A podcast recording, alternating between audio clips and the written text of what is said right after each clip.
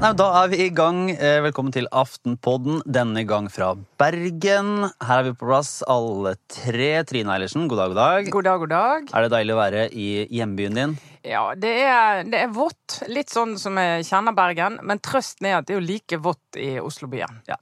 Sara Sørheim, du har pådratt deg en bergensk liten forkjølelse. Ja, det har jeg selvfølgelig. Hei, hei. Bergen er vått og kaldt. Ja. Du dro jo hit uten paraply. Gratulerer. Ja, ja, ok, Men vet du hva, det sto ikke på Yr. Eller gjorde kanskje det. Jeg sjekka ikke Yr. Men det regna veldig veldig mye i hele går.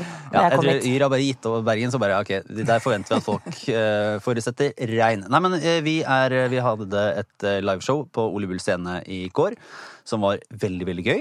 Eh, Kjempegøy. Det var stappfullt og god stemning og eh, moro, så det håper vi å kunne gjøre igjen eh, snart. Og tusen, tusen takk til alle som kom. Det var ja, veldig søte mennesker. Det er gøy da for, for oss å få oppleve litt sånn eh, hva skal, Litt show og Jeg vet ikke om vi skal kalle det akkurat stjernestatus, men det, det kjennes jo litt eh, Det kjennes bra, da. Å få får like mye sjokk hver gang vi får klapper. Ja. Så bare så, Å, jeg skvetter. Ja. Eh, Så er det kort, kort tid til valget, så vi skal oppsummere litt og se fram mot mandagen. Eh, Litt verse. Men eh, vi får jo først starte med byen vi er i, da, Trine. Ja. Kan ikke du gi oss en, eh, en liten sånn eh, en to minutters oppsummering av den utrolig kaotiske situasjonen i bergenspolitikken om dagen? Ja, altså Tradisjonelt har jo Bergen vært en litt sånn enten Arbeiderpartiet eller Høyre som tyngdepunkt i et byråd. Eh, og som vi snakket om i går, eh, KrF er alltid med. Her skifter de side stadig vekk. så de er alltid med med enten Arbeiderpartiet eller Høyre. Så det har liksom vært, vært historisk det, sånn det har vært. Nå er alt dette her er fullstendig fragmentert. Og vi husker eh, Folkeaksjonen mot mer bompenger. Det var liksom i Bergen de suste gjennom lydmuren i vår, hadde målinger på over 20 og stjal masse velgere fra åpenbart Frp, men da- de var så små allerede at det var ikke så mange å ta. Men fra Høyre og Arbeiderpartiet. Og Høyre og Arbeiderpartiet har jo på ingen måte kommet seg igjen eh, etter det, selv om eh, Folkeaksjonen er er blitt eh, svakere. Og det som er situasjonen nå, er at det finnes ingen sånne åpenbare flertall i, eh, i bystyret på mandag, men når vi ser på målingene både i Bergensavisen og i Bergens Tidende. Sånn at det er vi har vi Et sånt partisystem vi begynner å snakke om der du har så vidt partier som klarer å krabbe seg over 20 eh, så vidt klarer å være sånn tyngdepunkt i samarbeid, og så har du masse småpartier. Tror... Til og med Pensjonistpartier har til og med vært inne på vippen. For det har vært snakk om at eh, det kan, det skal riktignok litt til, men at det kan komme inn var det tolv partier, som Jens Kiel, vår eh, eminente gjest i går, snakket om. at det, altså, det, kan, det, er jo et, eh, er jo et mangfold av en annen verden, og desto vanskeligere å sette sammen et eh, ordentlig flertall. Ja, nå er jo dette en by der det pleier å skje mye rart eh, i bystyret i perioden. Så en av de tingene som har skjedd, var jo at MDG-gruppen gikk jo så å si oppløsning. Eh, Og så forsvant representantene inn i andre partier, eller eh, ut i hvert fall av MDG. Eh, Men de kommer jo nå tilbake med full styrke og har gjort det veldig bra. Det andre som gjorde at KrF har gått litt i oppløsning. Så der er jo de kristne blitt på en måte hjemmet til de gamle KrF-ene, og de er jo på vei inn og markerer seg på målingene. Og, og som sagt Pensjonistpartiet og Folkeaksjonen mot mer bompenger.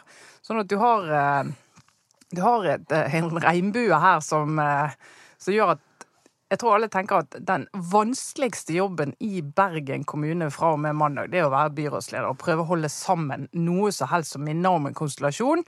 Og du kan få veldig mange rare samarbeid som går på tvers av sånne vanlige problemstillinger, på grunn av, blant annet av dette gnagsåret som er Bybanen. Skal den gå over Bryggen eller ikke, og hvordan skal vi Ja, for det er en sånn sak som Det er vel den ene saken som nesten skiller flest velgere i Bergen. Er det sånn? Det er det som liksom danner grunnlaget for koalisjonene i stor grad? Er det sånn å forstå? Fordi ja, altså, Du har jo alt det vanlige med velferd og kommersiell versus offentlig, og altså, en del av de der. Men, men det er klart denne med Bybanen og hvor den skal gå, og hvordan du skal finansiere den òg, ligger jo litt bak dette bompengeopprøret. Om det er bilistene som skal være med og finansiere den, som ikke, og bilister da, som ikke bruker Bybanen. Så det er jo litt det som har gjort at dette er blitt satt på spissen. Det er fascinerende i lokalvalg hvordan en sak som er eh, Det er helt umulig å gjette for oss utenfra liksom, hvor eh, partiene skal plassere seg i en sånn diskusjon. Ja, det- ja, det er hva er liksom venstresideståstedet i forhold til ja. Bybanen? Sant? Så det sprenger jo egentlig alle de rammene for for, eh, hva skal vi si, for de normale eller tradisjonelle plasseringene. Eh, og, og hele diskusjonen eh, ja, jeg, jeg mener ikke å være sånn, men altså, den er veldig veldig vanskelig å skjønne. Altså, Kan dere ikke bare bygge den bybanen? Vi skal ikke gå inn i det her, altså. Men det er bare fascinerende at det, den ene saken blir også så viktig at liksom hele bergenspolitikken må plassere seg med utgangspunkt i det. Det er, det er fascinerende. Ja, altså det, det, er i hvert fall en sånn konflikt som har gått gjennom partier, da. Sant, I Høyre og ja, det ja. Det, det, blir, det, blir, i hvert fall et utrolig spennende valg. Men det var jo det vi, det vi snakket litt om i går, er jo disse her eh, Altså Høyre i Bergen har vært det litt sånn Akkurat i Oslo. Vært ofte som regel det største partiet. Nå rotet jo Høyre det veldig til for seg i forrige valg, eh, som vi husker. Det var Trude Drevland, og det var masse intern konflikt som gjorde at de begynte jo å slite før eh, regjeringshøyre begynte å slite, da, for å si det mildt. Men Høyre i Bergen, i Oslo, i Stavanger, i Trondheim, i Tromsø. Altså, jeg hadde et håp om liksom å komme tilbake i de store byene, og det er jo veldig lite som tyder på at de skal klare det. Ja, for det er jo, det er jo ganske merkelig at eh, mens man stort sett har snakka om hvordan Arbeiderpartiet imploderer og faller fra hverandre og utfordres av Senterpartiet og, og, og, SV og Rødt og alt mulig rart, så er det jo ikke sånn at Høyre sitter og ser ut til å ta noe fortjeneste av dette her. Altså, I de store byene så kan jo Arbeiderpartiet ende med med like mye makt og, og, mer enn det de har hatt i forrige periode, til tross for at de går veldig tilbake. Ja. Hva Er det som, er det noe Høyre Altså, hvorfor, hvorfor, hvorfor følger vi ikke mer med på krisa i Høyre, eller hva er det, som er, hva er det de har gjort galt? Krisen i Høyre er så mye kjedeligere enn krisen i Arbeiderpartiet. Krisen i Høyre er mer sånn Oi, vi imploderte visst. Ja, men, men, så er det jo altså Hvis du ser på forrige lokalvalg, så gjorde Arbeiderpartiet det veldig, veldig bra. Så de er blitt målt mot veldig høye tall. sånn at når de nå har falt ned på litt, Ligger litt der de har ligget nasjonalt, og du ser på kommunebarometer, eh, så, så, fremstår det, og ikke bare fremstår, det er jo veldig stort fall for Arbeiderpartiet. Men Høyre de gjorde, de gjorde et godt valg. Men kontrasten er ikke så sterk, så jeg tror det har gått litt under radaren at Høyre har seget litt nedover eh, stille og rolig. Og det, nyheter er jo litt sånn at drama, drama fenger mer enn eh, lange trender, da. Eh, men, det, men, det, men, jeg mener jo at det er litt av Høyre i litt samme skvis lokalt som Arbeiderpartiet er nasjonalt. For nasjonalt strever Arbeiderpartiet med de store sakene nå. Klima, distriktsopprør. Eh, der du ser at eh, skillelinjene går litt på tvers av de vanlige høyre-venstre-aksen. Og der ser du at Arbeiderpartiet klarer ikke helt å finne plassen sin. Lekker masse til Senterpartiet, lekker til MDG, eh, lekker liksom til de rødere partiene som vil ha en enda rødere politikk. Og Høyre er egentlig litt i samme situasjon lokalt. Hvis du ser i Oslo, du ser i Bergen, og du får sånn bompengeopprør versus klima eh, få den diskusjonen der. Så er Høyre litt sånn Har mange velgere som er lei av eh, høye bompenger, men de har også mange velgere som er opptatt av klima og grønnere byer. Mm. Sånn at de også lekker litt i, i, begge ender. Og klarer ikke helt å finne formen. Så for de to partiene der å liksom stå frem som et sånn lysende, åpenbart alternativ, det er vanskelig, da. Mm. Og så blir, ja. Nei, altså De uh, er jo utsatt for både liksom, sannsynligvis sånne makrotrender som vi ser i, i, uh, egentlig, ja, i hele Europa. Uh, at styringspartiene sliter med å egentlig komme over 20% Pluss også lokale saker som gjør det ekstra vanskelig. Så det presses fra, fra begge kanter. men i Oslo så er jo situasjonen litt annet, fordi Arbeiderpartiet er så veldig tydelig der plassert i den koalisjonen. Eh, men du var inne på, Lars, at eh, Og, vil jo, ligger jo an til å vinne, eller beholde da makten i byen. Som du var inne på, at Arbeiderpartiet kanskje vil beholde mange av byene. Men eh, en ting er å beholde flertallet, men det er klart at den interne maktkampen Der vil vi nok se ganske kraftige forskyvninger også. For eksempel, det kommer vi tilbake til når vi har resultatet på mandag, men det er jo grunn til å tro at i Oslo så vil Arbeiderpartiet miste da det rene flertallet blant byrådene som de har i dag. Mm. Og dermed miste egentlig den kjøttvekta som gjør at de i, egentlig eh, kan bestemme selv hvor mye de har lyst til å samarbeide i eh, byrådet. Det kan bli en ganske annen melodi de neste fire årene. Og det er ganske dramatisk, det også. Det bare kommer ikke til å se like dramatisk ut fordi de får beholde mest sannsynlig byrådslederen. Mm. mm. Men, eh, men, det er ikke noe Ja. Det, det, er, det er mange som ser litt mørkt på det scenarioet i partiet. Men det er jo enkelte målinger der Høyre har vært under 20% og så snakker med folk i Høyre og sier ja, det kommer ikke til å skje, vi kommer til å løfte oss, og vi har gjerdesittere og ditt og datt. Og det, det, kan godt hende, hvis de skulle havne under 20 likevel, eh, så er det jo tid for havarikommisjon. Ja. Det må det jo være, tenker jeg. Og da eh, tenker jeg at et av spørsmålene som Høyre må stille seg da, er vi har satt i gang en masse reformer. Har vi satt i gang for mye på én gang? Men mener du at det går an å ha for mange reformer, eh, Trine? Ja, ja, vet du Litt hva? Litt overraskende på morgenkvisten. Nei, ja, nei, men det, det mener jeg helt klart. Det er bare på altså, Jeg vet det er en veldig simplistisk sammenligning, men det er bare hvis du går inn i en vanlig bedrift som eh, vi jobber i.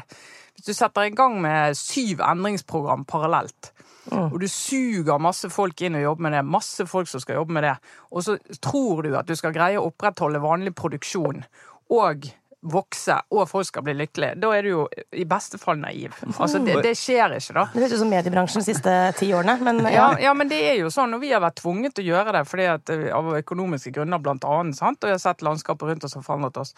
Men disse store reformene, da tror jeg Høyre er nødt til å ha en litt sånn ærlig diskusjon om eh, har regjeringen satt i gang for mye som har hatt for utydelig målsetting, og har gjennomføringen vært god nok? Det er litt retoriske spørsmål som stilles her, da. Men da, da, det, da snakker vi at de er, altså det er kommunereformen, regionreformen, politireformen Ja, en hel haug høyskole- og universitetsreform. Altså, det er veldig mye da, som, som gjør at eh, hver i seg eh, kan det være en god reform, og du kan være, men det, du kan tenke at det er summen av det som gjør at også Høyre lekker masse til Senterpartiet har gjort. Og det er sånn som har vært helt utenkelig før. At de skulle lekke, selv om de for så vidt eh, I hvert fall ute i distriktet og i Trøndelag oppå der, er de ikke så langt fra hverandre i sånn eh, side av høyre-venstre-aksen, for det er næringspartier begge to, og de er litt sånn Men likevel. Den, den lekkasjen som Høyre setter Senterpartiet i nå, er kjempesignal.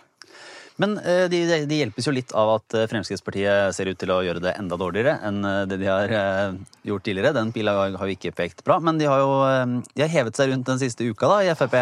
Så fort de var ferdig med bompengestriden med sin egen regjering, så fyrte de på med litt mer.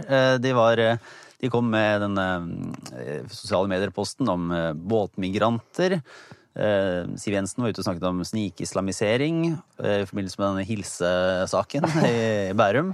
Eh, og Sylvi Listhaug var også ute mot altså de trodde ikke på regjeringens mål om uh, utslippsfrie biler innen 2025. Så da spør jeg deg, da, politisk redaktør i Aftenposten. Uh, Trine Eilertsen, er det noe mønster i dette her? Ja, ja, ja. ja. Det, det, jeg fikk litt følelsen av når disse utspillene begynte å komme. Så tenkte jeg nå har eh, Frp kranglet med sine regjeringspartnere om det bompengegreiene, så er de ferdig med det. Og så er det litt dårlig tid, sier jeg. Ok, hva er valgkampstrategien fra 2015? Henning, hva skuff er den? Og så finner de den. Og der lå laminert lå, lå valgkampstrategien, sier han. Nå innvandring, utspill på innvandring og litt på klima. Ja, men da gjør vi det. Ikke Kom hjem. Så I løpet av tre dager så kom de der. Så det er jo- klart det er et mønster. Eh, Vi husker det fra 2015, og der eh, Siv Jensen åpnet valgkampen med å oppfordre kommunene til å ikke bosette flyktninger. Og det var jo i, eh, i eh, flyktningkrisehøsten. Mm. Så da slo jo det mer tilbake enn en enn det gagnet Frp, som gjorde et veldig dårlig valg. Nå ligger det an til å gjøre et enda dårligere valg. Denne gangen ikke pga. innvandring. Eh, Overhodet, som er en viktig sak for Frp, men pga. klima slash eh, samferdsel. Mm. det, det er jo et spørsmål om altså, Åpenbart har det noe å si at eh, innvandring ikke er akkurat nå altså Vi har ikke en stor eh, flyktningbølge som eh, akkurat nå liksom har kommet til norske kommuner. Selv om det er en situasjon i Middelhavet som er eh, ekstremt dramatisk, så, så er det liksom ikke det som har vært, tror jeg, opplevd som den store saken for norske velgere siste halvåret. Så det kan jo være grunnen til at det ikke virker så godt. Men et annet spørsmål er jo om tidsånden har flyttet seg litt eh, uten at Frp har fått det helt med seg. Spørsmålet er vel også om de Eller det er vel en måte å fri litt til en sånn en kjernegruppe av de som bryr seg om veldig om innvandring. Og eh, nå basert riktignok anekdotisk på eh, sosiale medier og annet, så bryr de seg om innvandring hele året. Ja, ja, Eh, De bryr seg om hele året, uavhengig av krise eller ikke. Og tallet, ja. det Ja. gjør de. Så det er, en, det er jo en liten sånn hilsen til grunnfjellet, da, som, som Frp begynner jo på noen målinger å gå så langt ned at du ser at de sliter også med det. Og da en del av det grunnfjellet setter seg jo på gjerdet. For de har jo ikke noe alternativ, så de er nødt til å få de eh, vekke de og få de ut av sofaen og gå til stemmelokalet. da.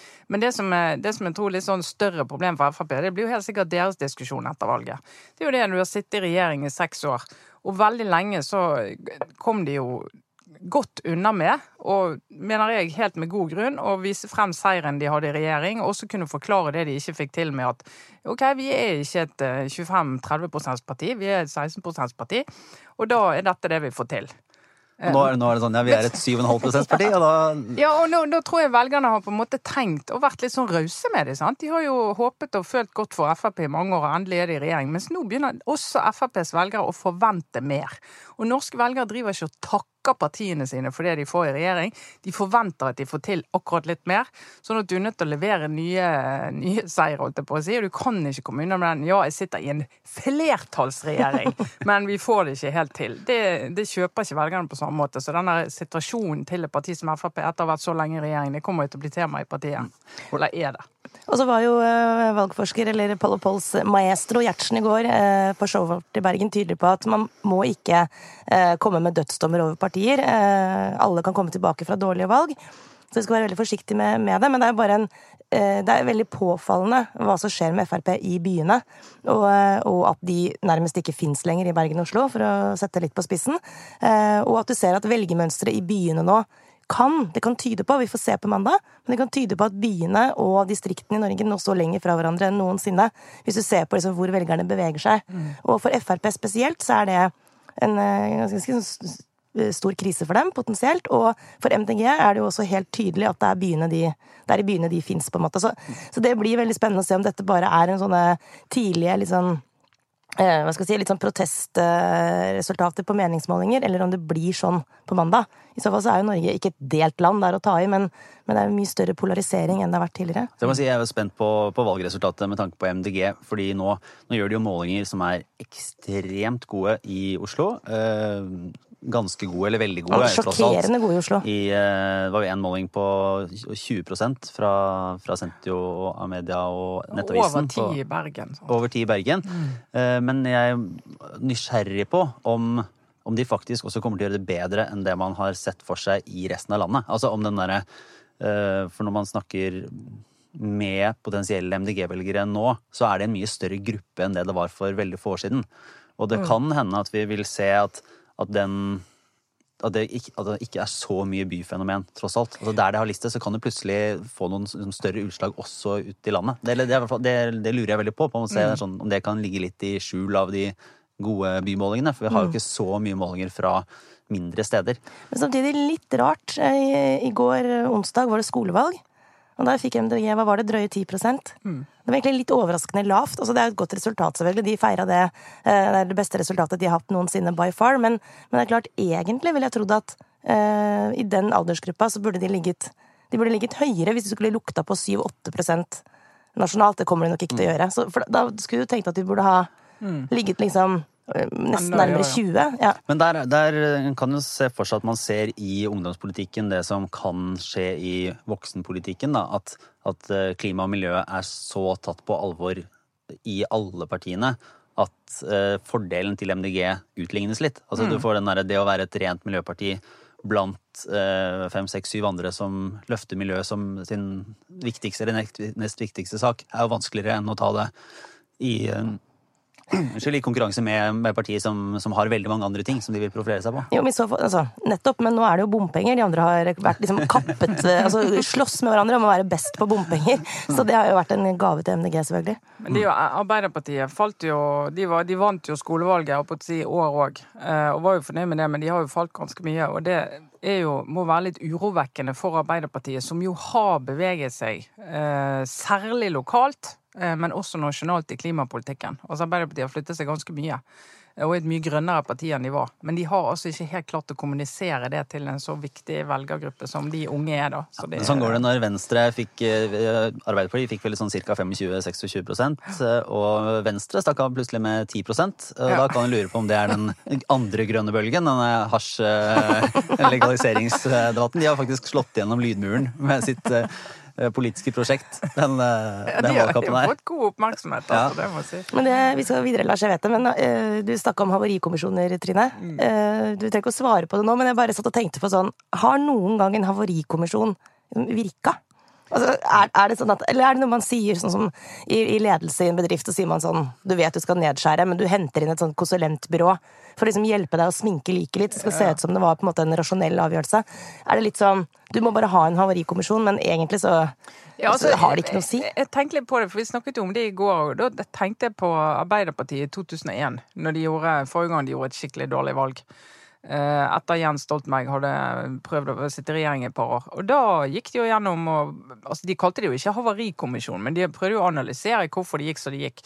Og reorienterte seg jo litt politisk etter det. Ja. Eh, og hadde samtaler med LO og begynte å bygge bro til eh, SV og Senterpartiet på en annen måte enn de hadde gjort før, liksom, som resultat av det. Sånn at du må jo Havarikommisjonen er jo veldig dramatisk å kalle det det. For når havari, så er jo egentlig Da må jo kapteinen må slutte, og alle må liksom Men du må, du må jo analysere hvorfor det gikk galt. Mm.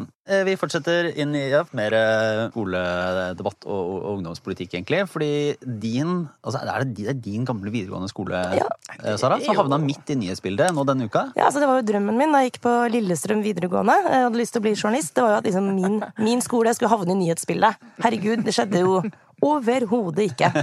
Men nå har det skjedd fordi altså NRK eh, og dette Folkeopplysningen har hatt et prosjekt eh, som har dreid seg om å eh, bevise eller teste ut hvorvidt det går an å manipulere et valg. Altså egentlig følge den såkalte russiske oppskriften fra, fra USA-valget i 2016 eh, for å gjøre Senterpartiet great again på Lillestrøm. Ja, lykke til! Lykke til. Ja. Da, nå er det jo veldig lite som tyder på at de har egentlig fikk det eh, til i praksis, da, for jeg tror det endte med 3-4 eh, til Senterpartiet på Lillestrøm videregående. Ja. Eh, men det har jo blitt veldig mye debatt om dette i det hele tatt er, en, altså er i nærheten av akseptabelt. Og kritikken var hard i går, fordi det jo er å manipulere et faktisk valg også eh, potensielt, fordi mange av de som stemmer ved skolevalget, også kan stemme i kommunevalget. Ja, Ja, altså, jeg tenker Ideen er jo kjempegod. At du tar en sånn situasjon, og så prøver du å simulere den på ekte mennesker i, en, eh, i noe som ja, ligner på et valg. Og det er jo et valg. Men problemet er jo at det ikke bare ligner på et valg, det er jo faktisk et valg. For én ting er at et skolevalg, for det har nok de som laget dette, tenkt at et skolevalg det er jo ikke et ekte valg. Og De sitter jo ikke og stemmer på folk som skal inn i bystyret eller kommunestyret. Men det er bare det at mange av de som blir utsatt for den manipuleringen, skal jo også stemme, og har allerede stemt, forhåndsstemt sannsynligvis, eh, i kommunevalget. Og så kan du si at skolevalget viste at manipulasjonen ikke var vellykket. Men hva hvis han var det, da? Sant? Hva hvis han var det? Og vi vet eh, at eh, på kommunenivå så kan det være, kan stå om tre, fire, fem, seks, syv stemmer. Eh, og så skal noen av disse gå i stemmelokalet med en informasjon som ikke stemmer. Så akkurat det der at, du, at, de, at de ikke har tenkt på at det er knyttet til et reelt valg, det skjønner jeg kritikken mot. altså. Ja, Det skjønner jeg også. I, I går når jeg så saken, så var det veldig lett å falle ned i den samme, i den samme reaksjonen som jeg så annet eh, lederen av Presseforbundet, Elin Floberhagen. Hun kommenterte til VG sånn Jeg er kritisk og negativ til, denne, til NRKs eh, prosjekt her. Eh, og det er mange gode grunner til å være kritisk eh, til akkurat det å Særlig en aktør som NRK, som jo ikke bør gå inn og gjøre denne typen sånn aksjonistisk eh, journalistikk, da. Men, men jeg har liksom endra litt sånn syn på den saken nå, etter hvert som jeg har sett reaksjonene fra elevene på, på Lillestrøm, som jo er en flott skole med veldig oppegående, nydelige unge mennesker, men som har vært ute og, og faktisk forsvart Altså de som ble utsatt for dette forsøket, har forsvart det og vært tydelige på at de lærte mye av det. Og et viktig poeng her er at det ble jo avslørt før selve valget. Mm. Andreas Wahl, programlederen i Folkeopplysningen, kom på skolen sammen med rektor og på en måte hadde en sånn avsløring av stuntet foran elevene. Og ifølge da, i hvert fall denne ene eleven jeg har lest eh, innlegget til, så, så var det en veldig sånn, for dem en veldig, egentlig en veldig sånn bra opplevelse, som de lærte mye av. Så det, jeg kjenner liksom at vi skal ikke bare liksom lene oss tilbake og hevde at dette her er uetisk og brudd på diverse paragrafer på Vær varsom, fordi kanskje går det an å se det omvendt, Trine, at det, dette er noe av det aller, aller viktigste å lære eh, unge velgere. Virkelig. Altså, dette Ja, men- er eh, opplæring i hvordan demokratiet Ja, ja. virker, og hvor sårbart det er. Liksom, jeg kjenner at jeg, jeg syns ikke det er så svart-hvitt heller, da. Det, Nei, nei det, det er derfor jeg starter med å si at jeg syns ideen er veldig god. Ja. eh, Å simulere den, den type metoder på ekte mennesker og ekte elever, og se hva de gjør med dem. Men det er bare det at hvis du er en eh, kandidat i kommunestyret i nye Lillestrøm, og så ser du at eh, OK, jeg kommer ikke inn, jeg mangler fire stemmer. ja. Så er det Da vil du gå og lure på hva, hva er grunnen til det. Sant? Og, det, det, og de forhåndsstemmer, sant? så det hjelper ikke å komme nå. Vi vet at for, antallet forhåndsstemmer har økt og økt og økt og større enn noen gang. Så det hjelper ikke å komme nå onsdag før valget og, avsløre stuntet. Ja, og så en, en annen ting som er kanskje mer relevant for de av oss som har dette som jobb, men det er klart, jeg ser eh, Tor Gjermund Eriksen i NRK eh, var ute i, i dag morges og sa at han visste ikke om dette. Og det også er litt sånn ok, det går jo det ikke går- altså, an. Han er, han er ansvarlig redaktør for NRK. Dette må jo sjekkes ut helt til topps. Det er jo helt på jordet. Ja, det, er, det er en idé som er, er så radikal. Uh, og og jeg, jeg, er helt sikker på at jeg ville sagt nei til det hvis, hadde, hvis, hvis jeg hadde vært i, i hans uh, sko. Rett og slett fordi at nesten, altså, Selv om jeg nå har forsvart at jeg, jeg ser at det kan ha en god effekt, så tror jeg NRK som avsender aldri, aldri, aldri vil komme unna med, og bør ikke komme unna med heller. Eh, og undergrave både sin egen og liksom, valgordningens eh, troverdighet. Da. Men er ikke- men er ikke det så, så at, nesten- at de gjør det, det sier noe om en dårlig kultur i en bedrift. At du gjør sånne ting. Og så bare Ops, vi satsa på at vi fikk eh, tillatelse heller enn til Nei, og så, og så blir det tilgivelse heller enn tillatelse. Men sånn, det går ikke.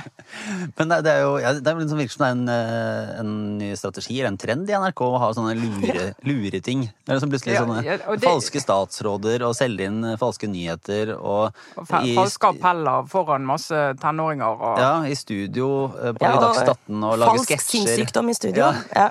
Ja. Altså, og Det der er jo et dilemma, for det, det, det der er jo et av vår tids si, store utfordringer. Da, at det skjer. Men det er jo litt fascinerende hvis det er statskanalen som liksom skal gå foran som en sånn 'Å, vi klarte å lure dere'. For for å understreke et poeng som allerede er krystallklart, at det, det problemet fins. Det er litt sånn lille Norge òg. Jeg husker jeg var på en konferanse med da Trond Giske var kulturminister.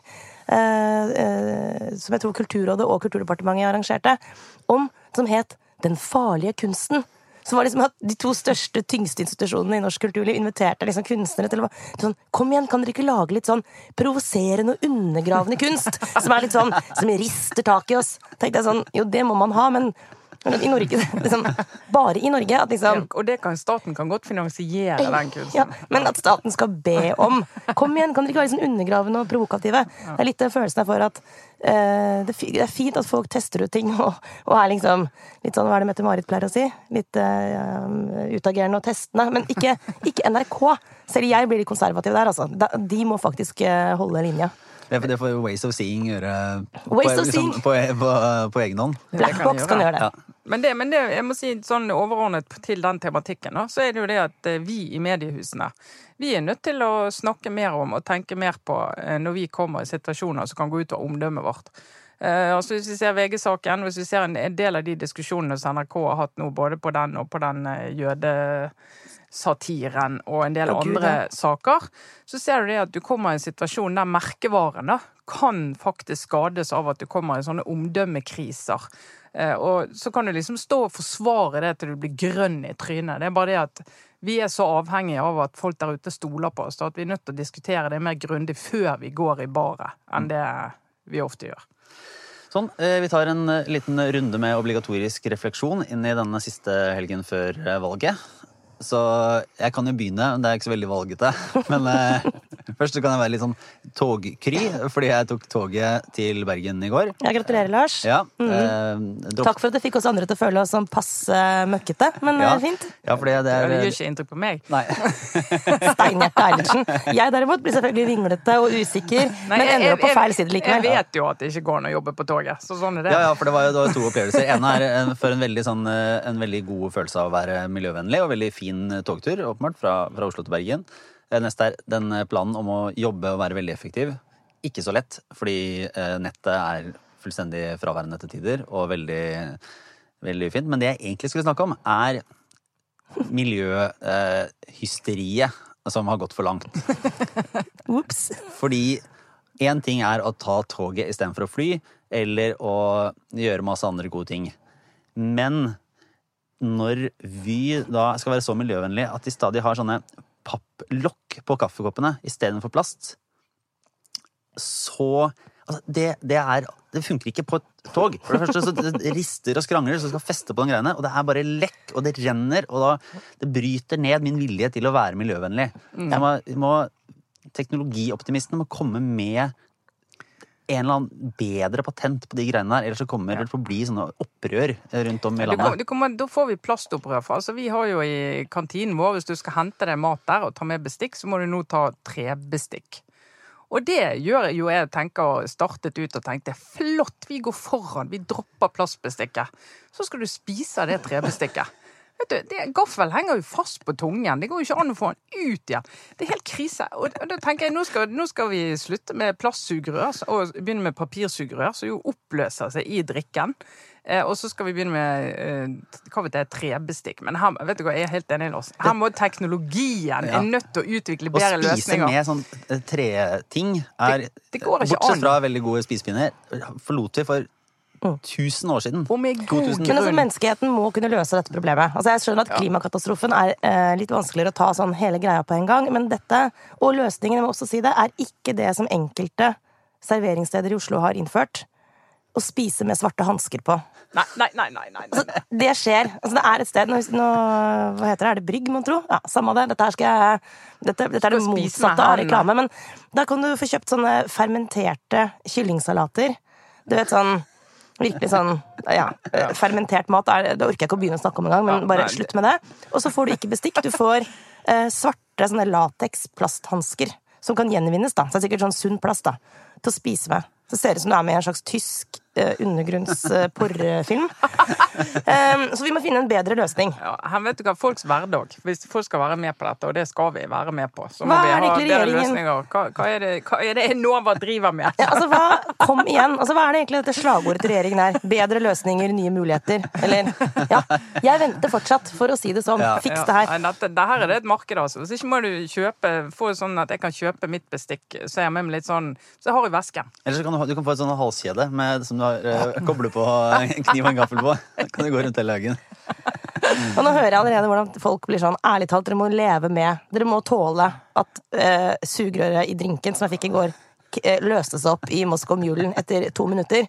Dette er ilandsproblemer. Og da vil jeg bare si, før den kritikken kommer, ja, det er ilandsproblemer, men det er også problemer. Ja, nei, det, det, det er en helt urimelig kritikk, Sara. Så det bare avviser vi. Ja, du, Trine. Hva Ja. går det å tenke på? Nei, jeg så, så litt eh, partilederdebatt på TV 2 i går. Eh, og det var jo eh, sånn som det er. Arild Riise måtte på et tidspunkt Han hadde utstyrt seg med en fløyte i lommen som han skulle bruke hvis de kaklet for mye. kødd. Avbrøt barna for mye. Og det gjorde han på et tidspunkt. Tok han opp fløyten og bare blåste i den, sånn at Trygve Slagsvold Vedum skvatt tilbake, for han var midt i en eller annen sånn Men, de, men, uh, avbrytelse. ja. men, var, det- men var det behov? For jeg ser hva det heter i, Det var- i teater, teaterhistorikken. så var det Tsjekhovs uh, pistol. Som er altså hvis du, liksom, hvis du bringer på banen et ladd våpen i første akt, så må den på et eller annet senere akt være enten fyr, avfyres eller sånn. Og sånn er det hvis, du- hvis du starter debatten med å løfte en fløyte. Ja. Du må jeg- blåse. Du må blåse. Men var det behov for å blåse? Ja da, det var behov for å blåse. Det var det, og det er litt sånn, har vært mønsteret på flere av partilederdebattene. Partilederdebattene har vært noen av de aller dårligste debattene fordi du har fått sånn kakleri. Men det som var interessant, det var etterpå så hadde TV 2 en sånn ettersending der de intervjuet eh, partilederne om hva de syntes om egen innsats, og eh, hvordan de syntes det hadde gått. Og det, sant, de er litt sånn spøkefullt og tullete om det. Eh, Men da sa Trine Skei Grande veldig åpent, hun sto ved siden av Jonas Gahr Støre og sa det at jeg, jeg syns jeg fikk frem et godt poeng, i hvert fall det ene innlegget, men de andre innleggene mine ble egentlig ødelagt av at du, Jonas, snakket oppå meg og avbrøt hele tiden, så jeg fikk ikke sagt noe. Og så begynte programmet ja, vil du si unnskyld for det, Jonas, og liksom, og, han, og så sier han ja, så jeg er jo lei meg for det, og så sier han men jeg syns ikke dette fungerer som en debatt. Eh, Vi, dette rigget her fungerer ikke som en debatt, og vi har kanskje to minutters eh, taletid i praksis og vi skal fordele utover på alle disse temaene. Og da ser du jo det at du må bruke anledningen til å ta ordet hvis det er en pause. Av og til funker det, av og til funker det ikke. Men han problematiserte det. Siv Jensen hev seg på og sa det hun syntes heller ikke at at det der fungerte særlig godt, og at det ikke ble en ordentlig debatt. For hvis hun ble utfordret av Støre, så fikk ikke hun svare på det. Da bytter programlederen tema og går et helt annet sted og snakker med en annen. Og sånn er det jo. Og så så jeg Haja Tajik sa etterpå, hun satt også og kommenterte debatten litt i studio der, og ble spurt hva syns du, og så sier hun jeg tror ikke velgerne ble noe klokere av dette. Og det er hun mer informert. Eh, og så sånn, Trygve Slagsvold Vedum, han var mer sånn Syns det går bra, og fått frem noen forskjeller. Og Audun Lysbakken fikk jo terningkast seks av mange, så han syntes egentlig at det var bra. Men altså, poenget er at jeg tror altså En del av de politikerne de kjenner på et ubehag i det formatet. da. Og en ting er de, men folk sitter og ser på det. Jeg tror argumentet til både NRK og TV 2 kan være at ja, men dette har veldig store seertall. Og det har det.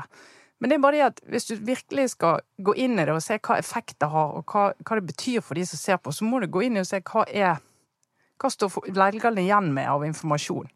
Hva- Ja. Hvordan kan dette hjelpe de til å ta et valg? Og da tror jeg for mange så de skrur bare av og ser på denne kaklingen og hylingen og tenker 'jeg orker ikke se på på det'. For det har vært et lavpunkt, buks, altså. buksa til uh, Unaina Bastholm og skjorta til uh, Audun Lysbakken. Ja, men du blir sittende og følge med på helt uh, På helt altså, feile ja. ting, sant? Fordi at du sånn at, og du kommer aldri videre, for det er jo det samme. De sier jo akkurat det samme i debatten i midten av september som de sa i august. Sånn at det er ingen debatter som går videre. Det er ingen politikere som tar inn og ser at det er kommet noe ny informasjon eller noen nye tall. Eller, og det er litt sånn Nei, det er et eller annet med det formatet der som er Den er sånn krisetegner, altså. Er det to eller er det fire år siden, eller er det mer, hvor NRK testa ut eh, det gammeldagse debattformatet? Husker dere det? De, de gjenskapte debattene slik de var for liksom 20 år siden eller 30 år siden.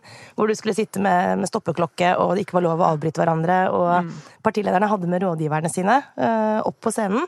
Men det, det ble jo for. Det gikk ja, men, for sakte det, Men det blir heller ikke debatt, da.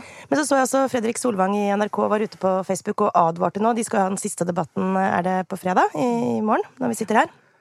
Og da var han ute og skulle være sånn Ok, vi innfører fire regler. Eh, Det er ikke lov å avbryte hverandre, det er ikke lov å rope. Men det er noe med, tenkte jeg sånn, ok, det er sikkert lurt at de Men det er også noe sånn infantiliserende i den måten å liksom snakke til partilederne på.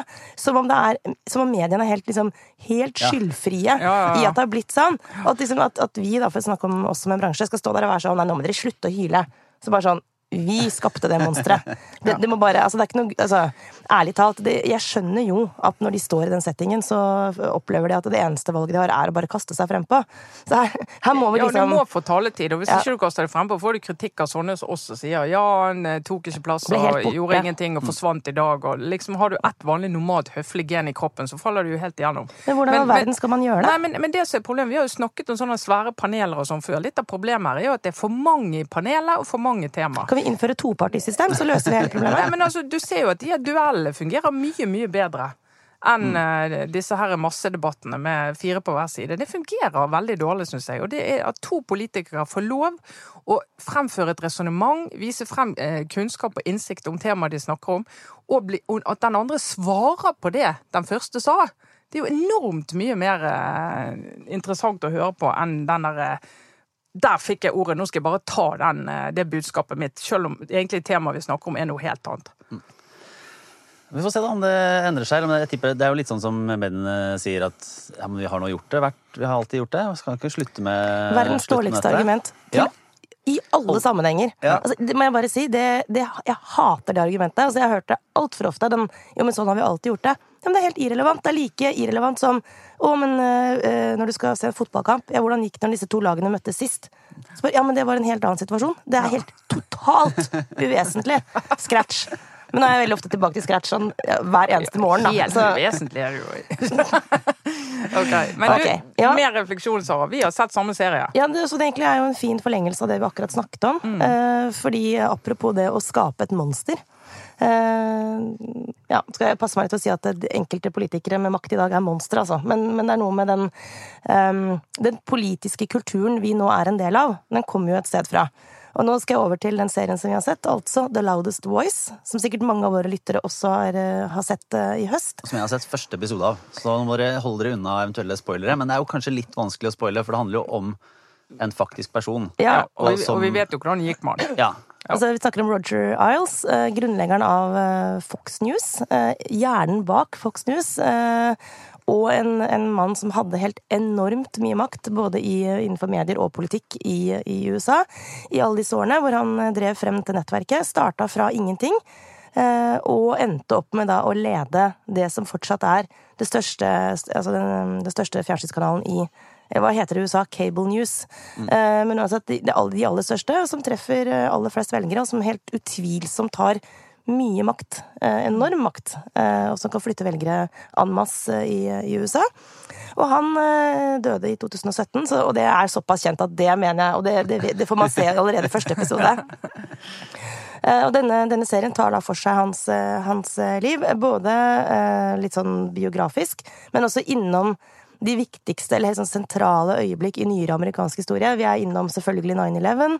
Um, vi er innom uh, hele den kampanjen som han Eh, i hvert fall ifølge denne serien, fant opp og ledet mot Obama. Dere husker birther-greia? altså det, det der å For eksempel en liten detalj, da. Hvordan han insisterte personlig på at programlederne på Fox alltid skulle si Barack Hussein Obama. Mm. Sant? Mm. Eh, ja. Uansett, så vi er innom det, og så eh, kom jo høsten eh, Ja, var det 2018 han døde, forresten? For det er høsten 20... Nei, 17. Ja, uansett, så kommer metoo-høsten, hvor Roger Iles eh, jo Eh, med rette, virker det som, fikk en, eh, en, skikkelig trøkk, og til slutt faktisk mistet jobben på bakgrunn av anklager om seksuell trakassering. Som ble så massive og så mange i tall at ledelsen i, i Fox News og Murdoch, som jo eier dette på toppen, faktisk sparket han. Det var det ingen som trodde skulle skje. Men ja, Trine, det er en fascinerende fortelling, og jeg syns den er også ganske sånn så det er faktisk ganske skremmende? Ja, skremmende. fordi eh, litt av kjernen i dette er jo journalistikk og makten til journalistikken, hvis du velger å misbruke den. For det vil jeg mene at eh, Roger Alls du gjorde. Og en av de metodene han hadde, eh, det var at han kunne løfte frem tema og saker som han sier vi dekker ikke nyhetene, vi skaper nyheter. Og en måte å skape nyheter på, det var som han sier, vi bare stiller spørsmålet. Så vi Altså, det er mulig det at eh, Barack Obama er, har amerikansk eh, født i USA akkurat sånn som han skal, men det er ikke sikkert, så derfor spør vi. Mm. Altså at Du løfter opp og ned sånne tema, og, den, og det har vi sett har smittet til eh, andre medier. Hvor du liksom bruker denne metoden med å løfte opp eh, rykter. Eh, påstander som ikke er verifisert, i et sånt spørsmål. Jeg har ikke påstått det, jeg bare spør. Vi har blant annet sett at Resett har brukt den metoden i et par saker. Og det mener jeg er en så farlig metode å bruke, da. For de spørsmålene kan du godt stille, men du kan ikke publisere spørsmålet uten å ha gjort noe arbeid i forkant som gjør at eh, du legitimerer at du, at du stiller det spørsmålet. Men er, er serien eh, Nå har jeg bare sett første episode, og det er jo en dramaserie. Men er det Altså, vet vi hvor tett på virkeligheten er? Eller er det sånn Det kan jo gi litt inntrykk av å være en sånn liberal serie. Mm. Eh, eh lager en dokudrama dukkedrama om en eh, konservativ djevelskikkelse. Vet, vet, er det noe balanse i det hele tatt, eller? Nei, altså ikke veldig mye. Det skal jo sies, da. Det er det ikke. Men det er jo, det er jo eh, Eh, altså folk på innsiden av eh, Fox News-systemet som har sluttet, og som har snakket, og noen har skrevet bøker, og noen har sånt. Det er ikke sånn helt. Og han eh, ene journalisten som har dekket Fox News mest, og skrev den boken som han er fundert på, han har jo jobbet med kilder inne i, i Fox News som har fortalt en del eksempler. Og en del av de nyhetssakene, de ser vi jo. De har jo vi sett. Vi har, vi har sett effekten de har, da. Og det, og det, må jeg si det er en veldig stor forskjell. For nå er det veldig det er diskusjon helt inn i det hver valgkamp. liksom eh, at eh, ja, nå er Klassekampen er venstresidens avis, og noen anklager Aftenposten for å gå i sånn høyresidemodus og det ene med det andre. Og da tenker jeg, ja, se den serien der. Og så må du tenke, tror du at det der er mulig i en norsk redaksjon? At du har for noen eh, liksom gå inn i sånn Ja, alle disse redaksjonene er av Skipsted, og Skipsted de mener sikkert det. Altså mener redaksjonene og redaktørene det. Altså blir journalistene pålagt å gjøre sånn og sånn da aner du ikke hvordan en norsk redaksjon fungerer. Jeg kan, jeg kan love det, og jeg har jobbet mye som leder i norske redaksjoner. Hvis du kommer til en gjeng journalister og sier jeg vil gjerne ha laget denne saken her, at nå er vi nødt til å, å fronte den politikken fra det partiet. Da tror jeg de hadde de hadde bare ledd. De hadde bare ledd. Altså det, hvis det er noen norske journalister får helt eksem av, så er det sånne ting. Mm. Men en, en, utfordring der rundt Fox, eh, fordi du stiller et godt spørsmål, Lars. Og ja, det er ganske godt dokumentert veldig mye av det som fortelles i historien. Og ja, den er fortalt fra et sånt liberalt Hollywood-ståsted.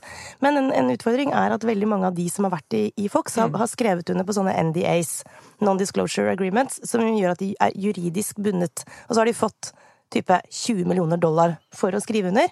Og det er et eh, For oss i, i, i pressen er det et, faktisk sånn, et kjempeproblem, fordi du effektivt holder eh, vitner og altså øyenvitneskildringer borte fra offentligheten i veldig mange tiår. Heldigvis er det noen som har snakket likevel, men de der NDA-ene er virkelig sånn Veldig effektivt. Ekstremt effektivt. Så, men det kommer også en film om dette. Eh, om samme historie. Nå i løpet av, ikke så veldig, altså nå i løpet av høsten. Så eh, det, vi får se. Hollywood slår tilbake. Så vi får se om det kommer en rekyl andre veien igjen, da. Ja, men Da tror jeg vi runder av eh, for denne gang. Så vi ønske alle godt valg. Og hva var det? folk må gå og få med seg noen eh, til å stemme. Ja, for men- det er vel lagt opp til at det blir en sånn Det er ikke sånn kjempevalgdeltakelse i år heller. Nei, men jeg blir bare sur av den tekstmeldingen jeg, fra Valgdirektoratet som kom i går, hvor det står sånn 'husk å stemme'.